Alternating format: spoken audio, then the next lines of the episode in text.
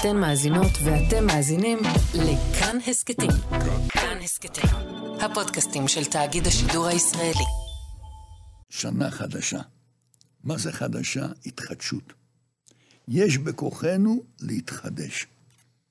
זאת אומרת, אם נסתכל רק על מה שקורה העבר, האדם לא יכול ללכת לעתיד. אם אדם רוצה להת, להתחזק לעתיד, אני תמיד חשבתי, כל התהילים, הוא מלא צרות. דוד המלך סובל פה, וסובל פה, ורודפים אותו, והבן רופד אותו, והפלישתים רודפים אותו, ואומר, איך הוא החזיק מעמד? אני חושב, עלה לי מחשבה, אומר שם משפט כזה, אני היום ילדתיך. כל יום הוא חושב, היום נולדתי מחדש, לא, לא מעניין אותי מה היה אתמול. אנחנו עלינו, מי שישמעו אותי עכשיו לפני ראש השנה, מה עלינו לעשות? להתחדש. בואו נזרוק קצת, נשתחרר קצת, נדע שאנחנו אחים, אנחנו בני, זכינו שהשם קורא לנו בנים. אנחנו, יש לנו משימה, כל אחד לעשות טוב לשני, אפשרות לעשות. בואו נתאחד בחיובי. נעזוב, איך אומר, יש אצלי בבית, אתם רואים בעזרת השם מישהו בבית, שלט, את נכנסת. מה הסיסמה? תן בליבנו שנראה מעלת חברינו ולא חסרונם. כל אחד יש לו מעלות, וכל אחד יש לו חסרונות. הם נפקי, אני אומר תמיד, אין הבדל דתי, חילוני, ספרדי, אשכנזי, ימני, שמאלני, אין הבדל. כל אחד יש לו את המעלות, כל אחד, אבל לכל אחד יש טוב. בוא תסתגל על הטוב.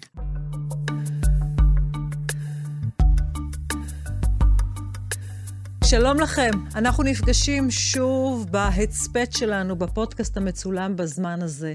רגע לפני ראש השנה יוצא חתן פרס ישראל, הרב יצחק דוד גרוסמן ממגדל העמק, בקריאה לציבור להתנדב ולעזור בהכנת סלי מזון לעשרות אלפי משפחות נזקקות.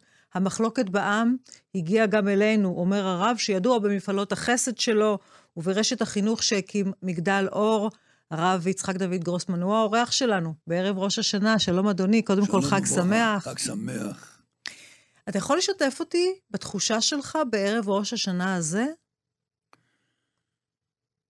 ראש השנה זה הזמן שכולנו מתאחדים. אם זה מתוך שממליכים את הקדוש ברוך הוא, שזה היסוד של ראש השנה, כל התפילות הן מלך, המלך הקדוש, המלך המשפט, מלוך על כל העולם כולו בכבודך. וכדי שאנחנו נעבור את ראש השנה כמו שצריך, תלוי באחדותנו. כמו שאומרים בתפילה, ברכנו אבינו כולנו כאחד. כי צריך לדעת בכלל שכל המעלה שלנו בראש השנה שזה אבינו מלכנו. כלומר? אם היה רק מלכנו, אין מושג לבקש תשובה. אני מתעסק כבר יותר מחמישים שנה עם, נקרא לזה, אני לא אלך לקרוא, אני, אני קורא להם צדיקים, בתוך הבתי סוהר. אנחנו כבר יותר מחמישים שנה מתעסקים עם שיקום אסירים בתוך הבית סוהר ומחוצה לה. ולפעמים יש כל כך הרבה אה, תיקים במדינה הזאתי, כי מאז שהוא עושה את החטא, שתפסו אותו, ועד שמביאים אותו למשפט, יכול לקחת שנתיים. בינתיים, השנתיים האלה, הוא נכנס לשיקום אצלנו, לומד, משתנה, מגיע משפט. השופט נכנס, והוא רואה את כל החבילה הזאת של התיקים, המעשים הטובים שהוא עשה, ופתאום הוא מסתכל, הוא רואה איזה כאילו רב, זקן, כובע, לא מבין. ואז הרב גרוסמן קם, ואומר, אני לא נכנס למשפט, מה שהוא עשה, עשה, אבל כבר שנתיים שהאיש הזה מוכיח את עצמו, לומד, עובד, משתדל, אז אני מבקש מהשופט רחמים שלא יוותר לו, אבל אולי במקום מעצר ככה וכולו. מה עונה לי השופט? כבוד הרב, אנחנו מאוד מעריכים את העבודה שלך, אבל החוק קובע שאני צריך להעניש אותו. אני לא יכול לקחת את כל התיקים האלה ולעשות, זה חליפתי, זה כפרתי, זה ילך לזבל והוא ילך הביתה. אין דבר כזה. כך מדבר שופט. מה קורה לילד שהוא חטא לאבא או לאימא? הוא בא ואומר, אבא חטאתי, תסלח לי. והוא מוכיח את עצמו. גם האבא אומר, אני חייב להעניש אותך? לא. האבא נותן לו נשיקה. כל המעלה שלנו זה אבינו מלכנו חטאנו לפניך. אם היה מלכנו, יש חוק, חטאת תשלם. אבל היות ולפני אבינו זה מלכנו, אותו מלך, אותו שופט הוא אבא, אז אתה יכול לבקש סליחה. כשאבא רואה שהילדים ביחד, הנחת הזה שיש לו, מהנחת הזה לבד, הוא מוכן לתת את הכול. אני אמרתי פעם דבר נפלא.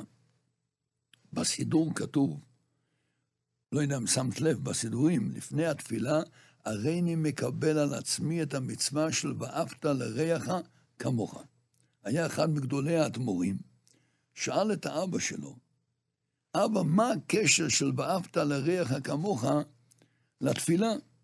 אם אני הייתי צריך לקבוע, אומר הילד, הייתי שם שם לפני התפילה, אבא, אני מקבל על עצמי את המצווה ואהבת את השם אלוקיך. כתוב פעמיים אהבת השם ואהבת לרעך כמוך. מה הקשר? אמר לו אבא, אתה מדבר בהיגיון. אתה יודע מה הבעיה שלך? לילד הוא אומר, שאף פעם לא היית אבא.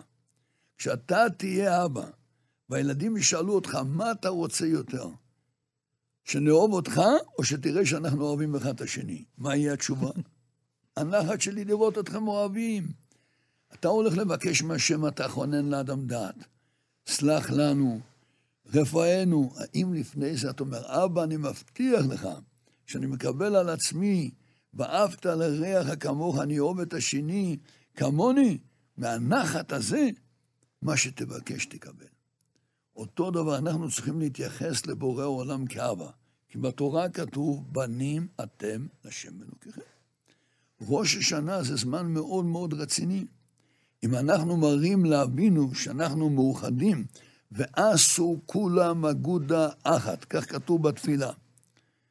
השנה, לצערנו הרב, ההכנה לראש השנה היא בדיוק הפוך.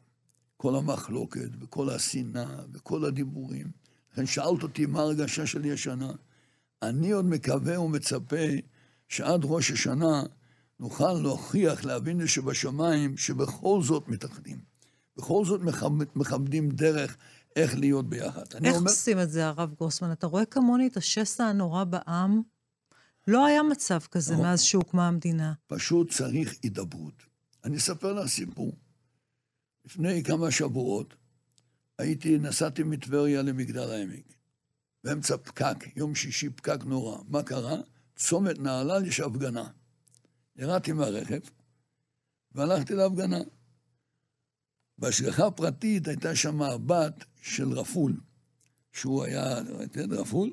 רפאל איתן, שהיה הרמטכ"ל שלנו, בוודאי, היה שר בממשלה. הוא, גרוסמן, אתה, גדלנו עליך, אבא שלי אהב אותך, וכולו וכולו. אמרתי לה ולכל הלב, בואו נעשה הידברות. ואז היה שיחה, דיברו, וקבעו בנהלל אוהל הידברות. את לא יכולה לתאר. היא הייתה שם הבת של רפול, ועוד אחרים, ממנהלל ומכל הקיבוצים. היה דיבורים, יצאנו הרבה שעות. היו חרדים, חרד"לניקים, דיברו. ראית שברגע שנכנסו, איך היה נראה הפרצופים, איך היו, וברגע שיצאו, איך היה נראה. להידבר, אנשים, חוסר הדיבור, חוסר ההכרה, זה אחד מהדברים האלה שמביאים את הפירוט. אני עכשיו לא נכנס לפוליטיקה הכללית, זה סיפור אחר. אני מדבר מה אנחנו כבני אדם יכולים לעשות. להיפגש, לדבר, להסביר. אנחנו יכולים... אבא שלי, זכר צדיק לברכה, אמר דבר נפלא. חכמינו אומרים, כשם שפרצופיהם אינם דומות, כך דעותיהם אינם שוות. אז הוא שאל, מה מחדשים פה? מה, איזה חידוש כאן? זה דברים פשוטים, אבל דבר נפלא. כמו שהפרצוף שלך או של אחרים לא כמוני, אני לא אבוא בטענה למישהו, למה אתה לא נראה כמוני? למה העיניים שלך סוג אחר? זה נורמלי? זה לא נורמלי. ככה הם, אל תבוא לשני ותגיד לו, למה אתה חושב אחרת ממני? כשם שאתה מקבל שפרצופיהם אינם דומות, כך תקבל שדעותיהם אינם שוות. אתה יכול לחשוב ככה, אני יכול לחשוב ככה, אבל זה לא צריך להביא לשנאה. הרב גרוסמן, אתה מגיע מתוך הציבור החרדי. אתה בא מבית אדוק, אנחנו נדבר על אבא שלך עוד מעט אה, אה, כאן בהמשך, כמה הוא התגייס, אה, התנגד לגיוס, הת, התנגד לגיוס נשים אפילו לשירות לאומי לצבא, ממש נלחם על כך. ואתה רואה איך יותר ויותר, שני הצדדים לא מדברים אחד עם השני, ועכשיו אני אומר לך איך מהצד החילוני יש כעס מאוד מאוד גדול על הציבור הדתי החרדי, שנמצא בהנהגה ויש לו כוח פוליטי מאוד מאוד גדול, ויש תחושה של כפייה. שדווקא מי שכופה על הצד השני, הוא הציבור הדתי שכופה את אורחות חייו על החילונים, איסור תחבורה ציבורית בשבת, עכשיו הייתה זעקה למה הרכבת הקלה בתל אביב לא נוסעת בשבת, מה שקומם אה, כל כך הרבה חילונים על המצב הזה. מה יש לך לומר לאותם חילונים שכועסים כל כך על מה שקורה במדינה? אני רוצה להגיד, יש סטטוס קוו. היה 75 שנה או יותר מהמדינה התנהלה והבינו, הבינו ראשי השלטון, בן גוריון ואחריו, שצריך למצוא את השביל ביניים, לתת לתחיה וגם לשני לחיות. אני אגיד את האמת, אני לא רואה את הכפייה. אני רואה מצידי על אלפי חרדים שמתנדבים ולא שואלים אם אתה דתי או לא דתי. אתן לך דוגמה סתם, עזר מציון. יש אצלי שכינה שהיא, בסוגריים קוראים לה שמאלנית, נקרא לזה, כן? חולה מאוד. פתאום אני רואה מגיע איזה אמבולנס, יורד כזה חרדי, עם פאות כזה, ממש כמו ממאה שערים, נכנס, לוקח אותה פעמיים בשבוע לדיאליזה. הוא לא שואל אם היא דתית או לא, אם שמאלנית לא. בואו ניקח את, את, את, את יד שרה. האם נתקעו פעם ביד שרה שנכנסו לבקש מיטה או מקל או מה שצריכים רפואה, שאלו אם אתה דתי או לא דתי? בואו ניקח את הצלה. הצלה, שאדם, בוא, כל יום אנשים נתקעים בתאונות דרכים, מי בא ראשון? איחוד הצלה. איחוד הצלה. איחוד הצלה, הם שואלים אם זה דתי, הלא, זה דתי, אני לא אעבור, כן, כל אחד בא. וככה, וככה הרב פירר, וככה אנחנו, אנחנו עכשיו מחלקים עשרות אלפי מנות למשפחות נזקקות. מעולם יעלה על הדעת לשאול אם הוא דתי או לא דתי. אז איך נוצרה האיבה הזו? זה נוצרה הפוליטיקה. בואו נראה, אני רוצה, זה רק הפוליטיקה, ומה הבעיה? מה הפוליטיקה? הפוליטיקה יצרה את האיבה כנגד האוכלוסייה. הפוליטיקה בדיוק, הכנסת, למי יש יותר כוח, ולכם כוח, וזה המציאות. בשטח, מה הבעיה? מה בא לידי ביטוי? עד כאן בכאן, כאן 11, כן? מה בא לביטוי? הדברים החריגים. אבל לא בא לביטוי יום-יום את הדברים הנפלאים. יש כל כך הרבה חסד, כל כך הרבה קשר, כל כך הרבה אהבה. אי אפשר לתאר את זה.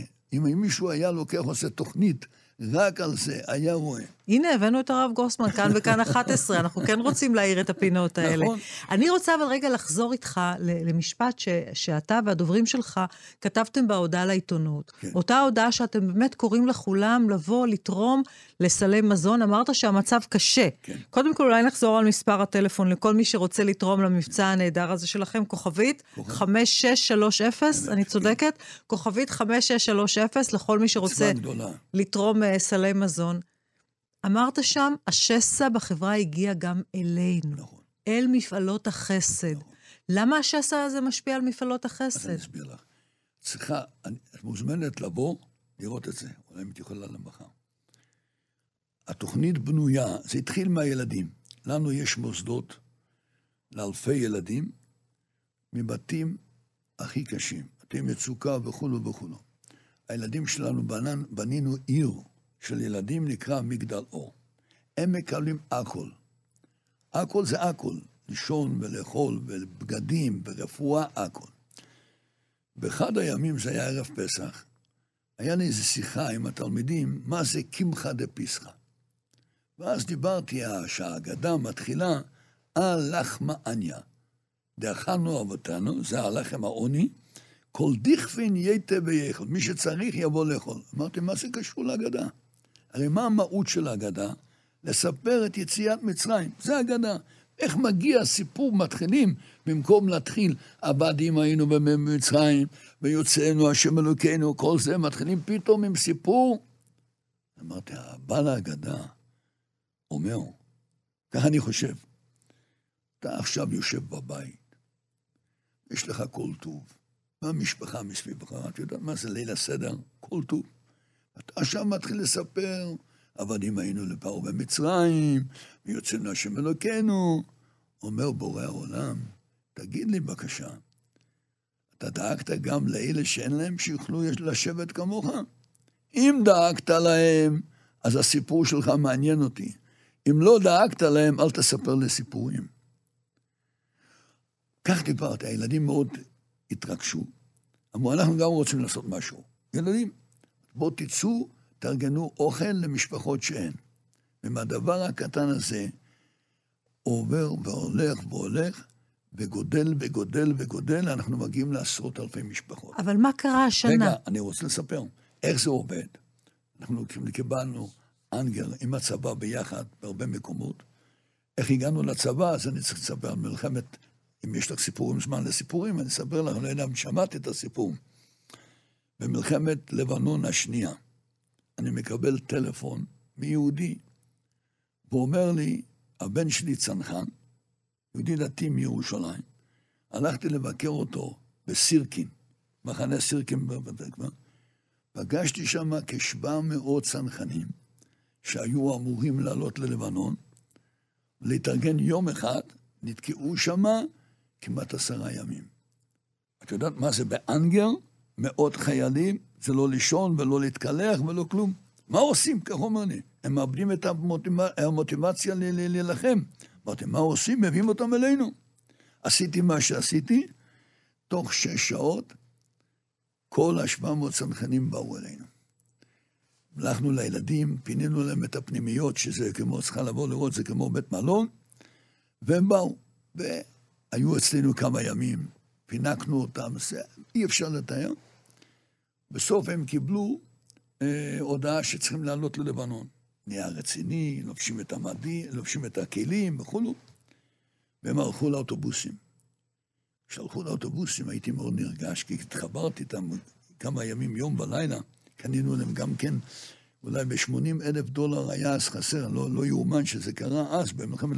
היה חסר להם איך אומרים? אפודות. אפודים. אפודים, נקרא היה חסר המון ציוד במלחמת לבנון השנייה. ב-80 אלף, אפילו לברכיים. נעצור את הדם, זה לא יאומן. אנחנו הלכנו וקנינו. לקבוצה הזאת, לפלוגה.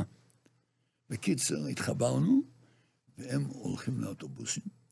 אני שמעתי, שמענו, חבר'ה, אני מבטיח לכם, אתם הולכים להילחם למען העם, למען הארץ. אתם תחזרו כולכם בריאים ושלמים. איך אני אומר למאות חיילים שהולכים לאש? לא יודע, הייתי בעולמות העליונים. אמרתם, אבל אני רוצה מכם דבר אחד. אם הברכה שלי מתקיימת, אני רוצה מכם דבר אחד. אחרי המלחמה, לא הולכים הביתה, לא לאישה, לא לילדים, באים חזרה לכאן, נותנים תודה, ומכאן הולכים. עושים ברכת הגומל. עובר עשרה ימים, 12 בלילה, אני מקבל צלצול מיוני המפקד, הרב, הברכה שלך התקיימה. אף אחד לא נפגע, לא נסרט. אנחנו כולנו עכשיו באוטובוסים בשתולה, בגבול לבנון, יש לנו נדר. שתיים וחצי בלילה אנחנו נהיה אצלך. אני מעיר את החבר'ה מהמטבח, חבר'ה, באים צריכים ארוחת ערב, לחפש תזמורת. מתקשר לתזמורת של חתונות, אולי אתם יכולים להיות בשתיים וחצי, אומר להם, מה קרה? המשיח הגיע.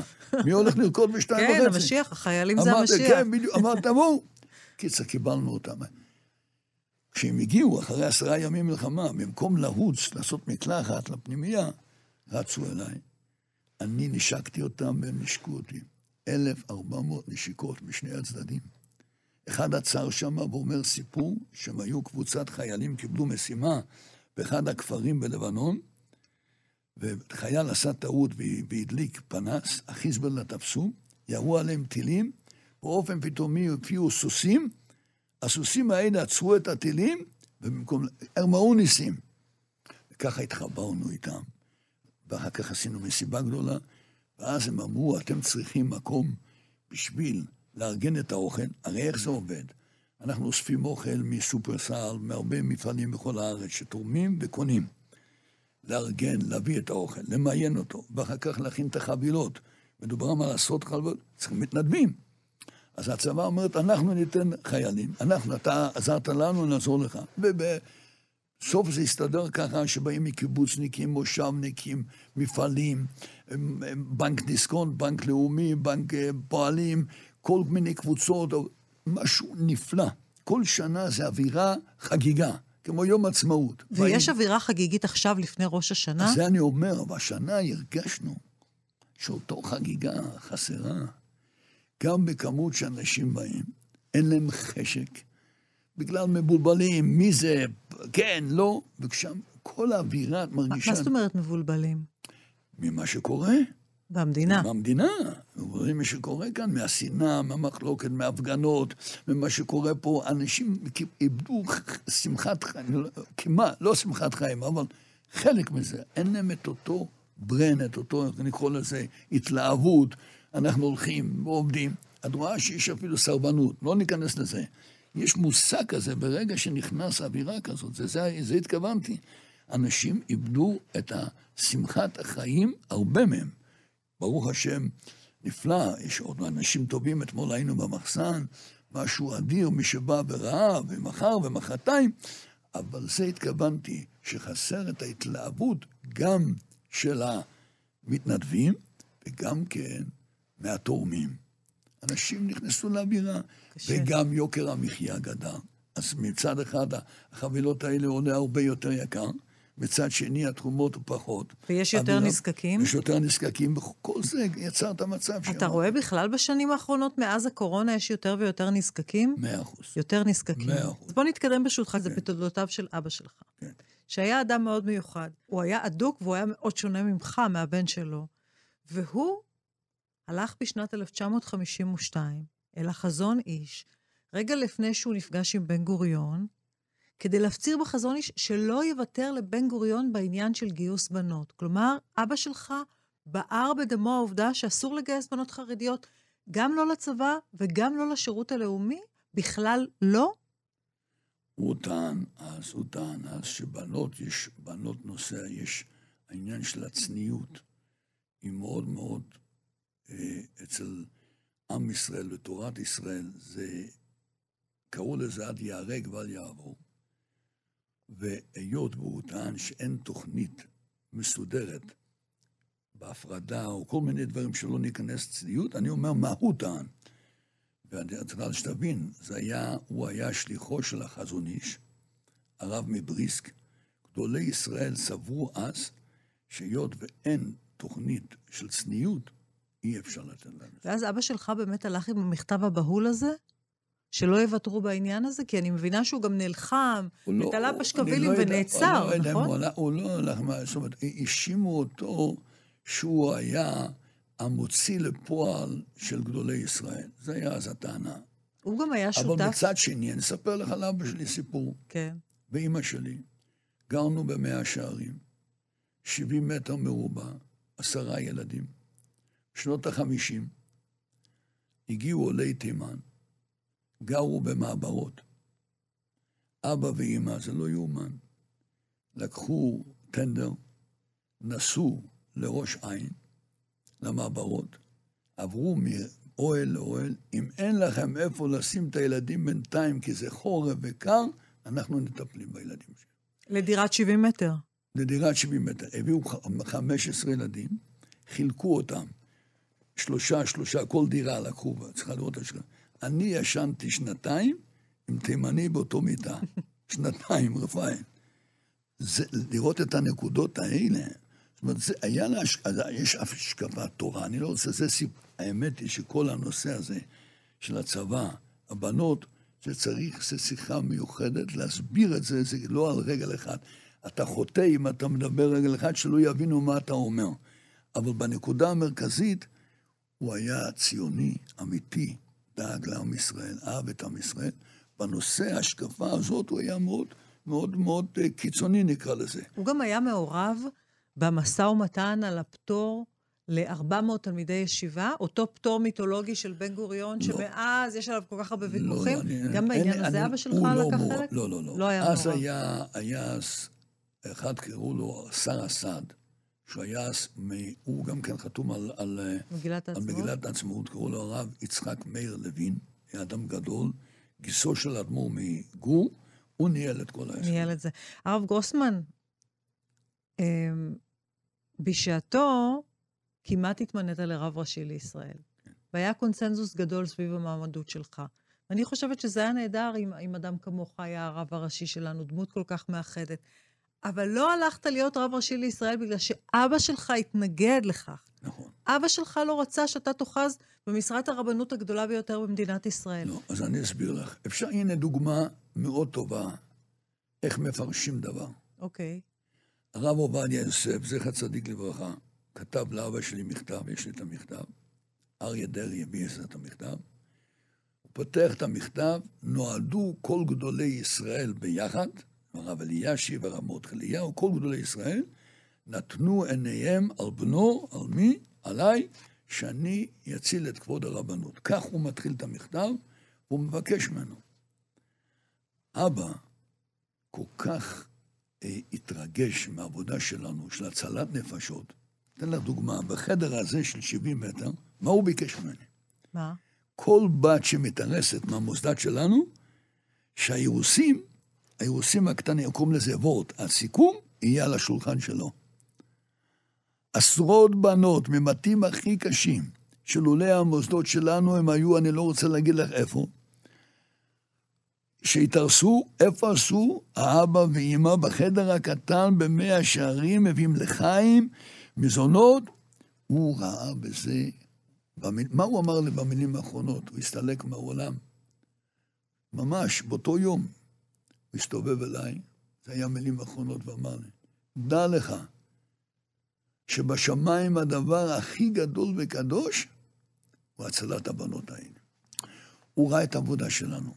הוא, התנד... הוא התנדב שנה, אבא היה גאון עולם, חיבר 18 ספרים, היה ראש ישיבה מהמפורסמים, דיין במאה שערים, מעידה חרדית מהגדולים, לקח שנה, בא למגדל העמק, מתנדב ללמוד עם הילדים של, של מעל, מעל, זאת אומרת, התיכונים, ש, שסיימו את הבית ספר יסודי. הוא בא ללמוד איתם? ללמוד איתם, לבד, השאיר את האימא, גר בחדר שלא רצה שום דבר, עשה לו עצמו את הביצה ואת הכל ואת האוכל, מהבוקר עד הערב יושב עם הילדים, מאיפה? מעכו, מבית שאן, מטבריה, מאופקים, ילדים שאין להם אף אחד, נהפך להיות אבא שלהם, שנה שלמה עזב את הכל והיה אצלנו. זה הגדלות.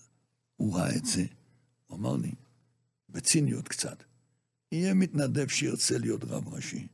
אבל מה שאתה עושה, אני לא רואה מתנדב, תמשיך. באמת, יש לי סיפוק כל יום. אני כבר שם במגדל העמק 54 שנים. מהעבודה הזאת. אתה יכול לספר לי... התחלתי להיות רב הדיסקוטקים מזמנו. כן. הרי התחלתי בדיסקוטקים. אז רגע, בוא באמת תספר לנו על הרגע שאתה נכנס לדיסקוטק. נכנסת ככה, עם, עם התלבושת הזאת? איך התחלת, איך הגעתי לכל הסיפור? סתם מעניין. אנחנו גדלנו בירושלים, דור חמישי ירושלמי. מ-48 עד 67 אי אפשר היה להגיע לכותל. הגיעה מלחמת ששת הימים, לפני המלחמה, פחד נורא מה שהיה, ניסים גדולים, חג השבועות, מגיעים לכותל. פותחים את שער יפו, אלפי אנשים רצים, אני רצתי. באתי לכותל, היה לי התרגשות, אולי משיח יבוא, זה יחזור. ואני מדבר במעוך שלי, ריבונו של עולם, מה אני יכול להחזיר מתנה על הנס הזה? אמרת, אני אעזוב את ירושלים ואני אלך למגדל העמק. למה מגדל העמק אז היה שם מאוד קשה, היה בעיות עם נוער, עם עבריינות, היו הרבה צרות, לא היה, לא היה אה, פרנסה. אפשר לראות בעיתונות, כל יום אחד... אמרתי, אני אלך, נדנד. עכשיו, אני אף פעם לא יצאתי כמעט מירושלים. אני מגיע למגדל העמק. הנס שלי, שאשתי, הייתי אז, התחתנתי, אמרה לי, תלך, אני בא אחריך. אני בא למגדל העמק, נאיבי, בא ממאה שערים, כל בניין זה ישיבה, כולל. אני רואה מישהו, אני שואל אותו, תגיד לי, איפה הישיבה פה? מסתכל עליי. הכולל, איפה הנוער? בדיסקוטק. אני לא שמעתי בחיים שלי מילה דיסקוטק.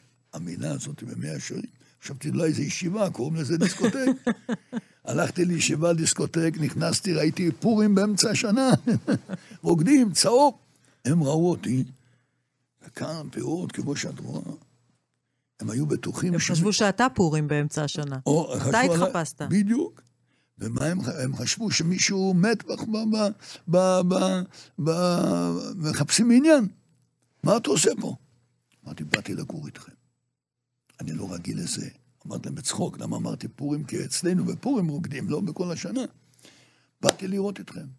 ומאותו רגע נהיה קליק, קשר, ואז נהפכתי, היה עליי סרט בשנת 70, רב הדיסקוטקים, ומי זה אחד אומר לי, האח שלי בבית סוהר. אמרתי לו, אח שלך זה אח שלי, בוא נלך לבקר אותו. הגעתי לכלא שטה. נכנסתי, ראיתי מה שקורה, הלב שלי נשבר. אמרתי למפקד הכלא, אני רוצה פעמיים בשבוע לבוא לכאן, ללמוד עם האסירים. בבקשה, לא מבקש כסף, התנדבות. התחלתי ללמוד פרקי אבות, לאט לאט עשינו תוכנית שיקום. עכשיו שאני מדבר איתך, יש בכל בתי הסוהר כמעט אלף אסירים במדרשות. זה התחיל, שמה זה התחיל. זה מעניין, כי אנחנו מדברים עכשיו בחודש אלול, אנחנו עדיין מקליטים את השיחה הזו בחודש אלול, רגע לפני ראש השנה, ואנחנו מתקרבים לימים האלה שבין ראש השנה לבין יום הכיפורים, בדיוק הזמן הזה שבו אנחנו אמורים לכפר על כל העוונות שלנו, לתקן את כל הטעויות שלנו. אתה מאמין, אתה יודע, ראש השנה זה יום, חשבתי על זה, ראש השנה זה יום הדין. זה חג מאוד שמח ולבן, ואוכלים תפוח בדבש, אבל זה יום מאוד קשה, זה יום הדין. ואתה כולך חסד. והמפעלות שלך זה מפעלות חסד. אתה מאמין שכל אחד בעולם, כל אדם בעולם, צריך שיסלחו לו? מגיע לו אני שיסלחו לו? מאמין שכל אדם בעולם יכול לתקן. יכול לתקן? כן. אם הוא תיקן, צריך לתקן, אבל יכול לתקן. אוקיי, עכשיו אני רוצה לשאול אותך לגבי עוד ש... דבר מעניין שאמרת בתחילת הדברים. אמרת, הדבר החשוב מכל, ואהבת לרעך כמוך. גם רבי עקיבא אמר את זה. אני אשאל אותך שאלה לא פשוטה, הרב גרוסמן, אבל אני אשאל אותך בעיניים כן. של חילונים. כן, כן. זה אפילו יותר חשוב מלקיים מצוות? כך אומר רב עקיבא. רב עקיבא אומר, ואהבת לרעך כמוך, זה כלל גדול בתור. עוד יותר סיפור. הגיע הגוי להלל, אמר לרבי הלל הזקן. להלל הזקן, אמר לו, תגייר אותי על רגל אחד. מה הוא אמר לו? מה ששנואי עליך, אל תעשה לחברך. זה אמר הכי חשוב. אמר לו את המצווה של ואהבת לרעך כמוך. יש כאן סיפור עמוק, מה הפירוש, איך זה? כי הוא רצה להגיד לו, היהדות בנויה שאנחנו כולנו אחד. מתי יכול להיות אחד? אם אנחנו כוח רוחני. בגשמיות, בחומריות, אין מושג ואהבת לרעך כמוך. אני יכול להיות אדם טוב, אני יכול לעזור, אבל כמוך? רק ברוחניות, אם אני מאמין שאת ואני, או הוא ואני, אנחנו אחד, כולנו יש לנו חלק מהקדוש ברוך הוא. כולנו בנים, רק אז יכול להיות, בא הגוי ואומר להלל, תסביר לי מה זה יהדות. יהדות זה לא רק חיים חומריים, חיים רוחניים, הוכחה שיש מצווה של ואהבת לרעך. וזה השמחה. הגמרא אומרת דבר מבהיל. בזמן אחאב, המלך אחאב. במלך אחאב, היו חטאים קשים, עבודה זרה, גילוי ראיות שמנות. בגלל שהיו מאוחדים, לא נפלו קורבנות בצבא. בזמן דוד המלך, היה תורה, מצוות ומעשים טובים. בגלל שהיה מחלוקת, נפלו קורבנות. תראי עד כמה הקדוש ברוך הוא מקפיד. לכן הנקודה הזאת, להיות ביחד, זה בשבילנו, אם אנשים היו מבינים, זה קריטי. אם אנחנו רוצים להצליח, לא, רק, לא רק מעשים, מעשים, אנחנו הרי יודעים שהחיזבאללה וכל אלה, עכשיו שרואים מה שקורה אצלנו, נדמה להם שיש עכשיו הזדמנות להיכנס. זה, זה, זה, זה, זה אמיתי. אבל זה לא, אמיתי? זה אמיתי. אמיתי מאה אחוז. ככה גם היה בהיסטוריה, הרב גרוסמן. מאה כל אחוז. פעם שנחלשנו מבפנים. מאה אחוז שזה אמיתי, שזה סכנת חיים, כי בדמיון שלהם זה עכשיו הזמן שאפשר להיכנס בנו, כי אנחנו מפורדים, וזה הזמן. הרי מה היה בפורים? תקחי בפורים. מה אמר המן למרדכי? ישנו עם אחד, מפוזר. מפוזר ומפורד. ב- מה זה ישנו עם אחד? ישנו עם מפורד. מה אומר המן? ישנו עם שכל הכוח שלו זה אחד, ועכשיו הוא מפוזר, עכשיו תיכנס בהם. מה עשתה אסתר המלכה? כדי להינצל, לך כנוס את כל הילדים, תאחד אותם ביחד, זה הצלה, זה הצלה. אז אני רוצה ברשותך, הרב גוסמן, לצערי הרב, כבוד הרב, הזמן שלנו תם, אבל אנחנו בכל זאת רוצים עוד מילה אחת לסיום לחגי תשרי, והזכרת קודם את אה, אה, להיות אגודה אחת. כן. וזה ישר מוביל אותנו לארבעת המינים. כן. ומילה אחת על חג הסוכות, שבאמת הסמל שלו זה ארבעת המינים שמאוחדים. תן לנו מילה אחת על ארבעת המינים האלה שמאוחדים בשנה הקשה הזאת שלנו. כל המושג ש, של סוכות, כתוב בימינו תחבקני, שמאלו תחת לראשי, וימינו תחבקני. שמאל דוחה, ימין מקרב. זאת אומרת, החגים לפני חג, זה כמו שאמר, דין, רחמים. סוכות זה זמן שהשם מחבק אותנו, מכניס את כל. עם הבגדים נכנסים לתוך הסוכה. הנה, דיברת על אחדות. האתרוג, יש לו טעם וריח.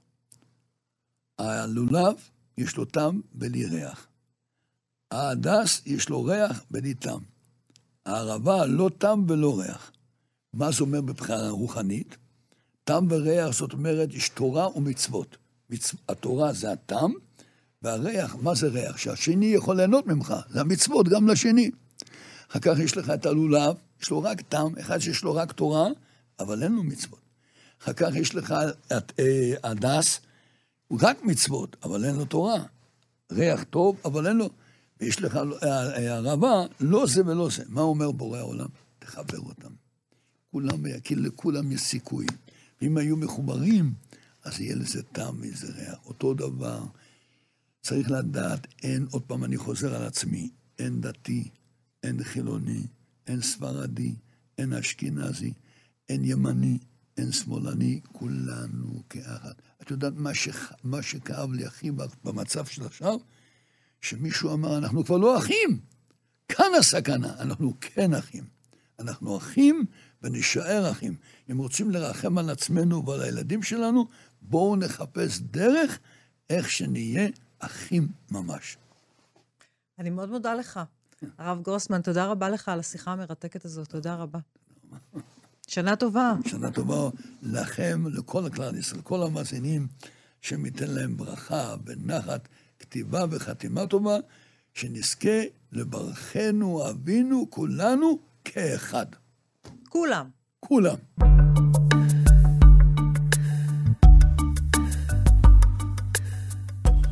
סיימנו עוד פרק של בזמן הזה, ראשון לשנה החדשה. על הסאונד יוראי פיקר וקובי בז'יק, על הצילום מתן גולדשטיין, עריכה שלומי אשר, ניהול תוכן שימי אביגד, תאורה שלומי תורג'מן, הפקה מירב קדוש. אנחנו נשוב אליכם בקרוב מאוד עם פרק נוסף של בזמן הזה, שבו נחזור אל המקורות ונתבונן עליהם במשקפיים עכשוויים, או להפך.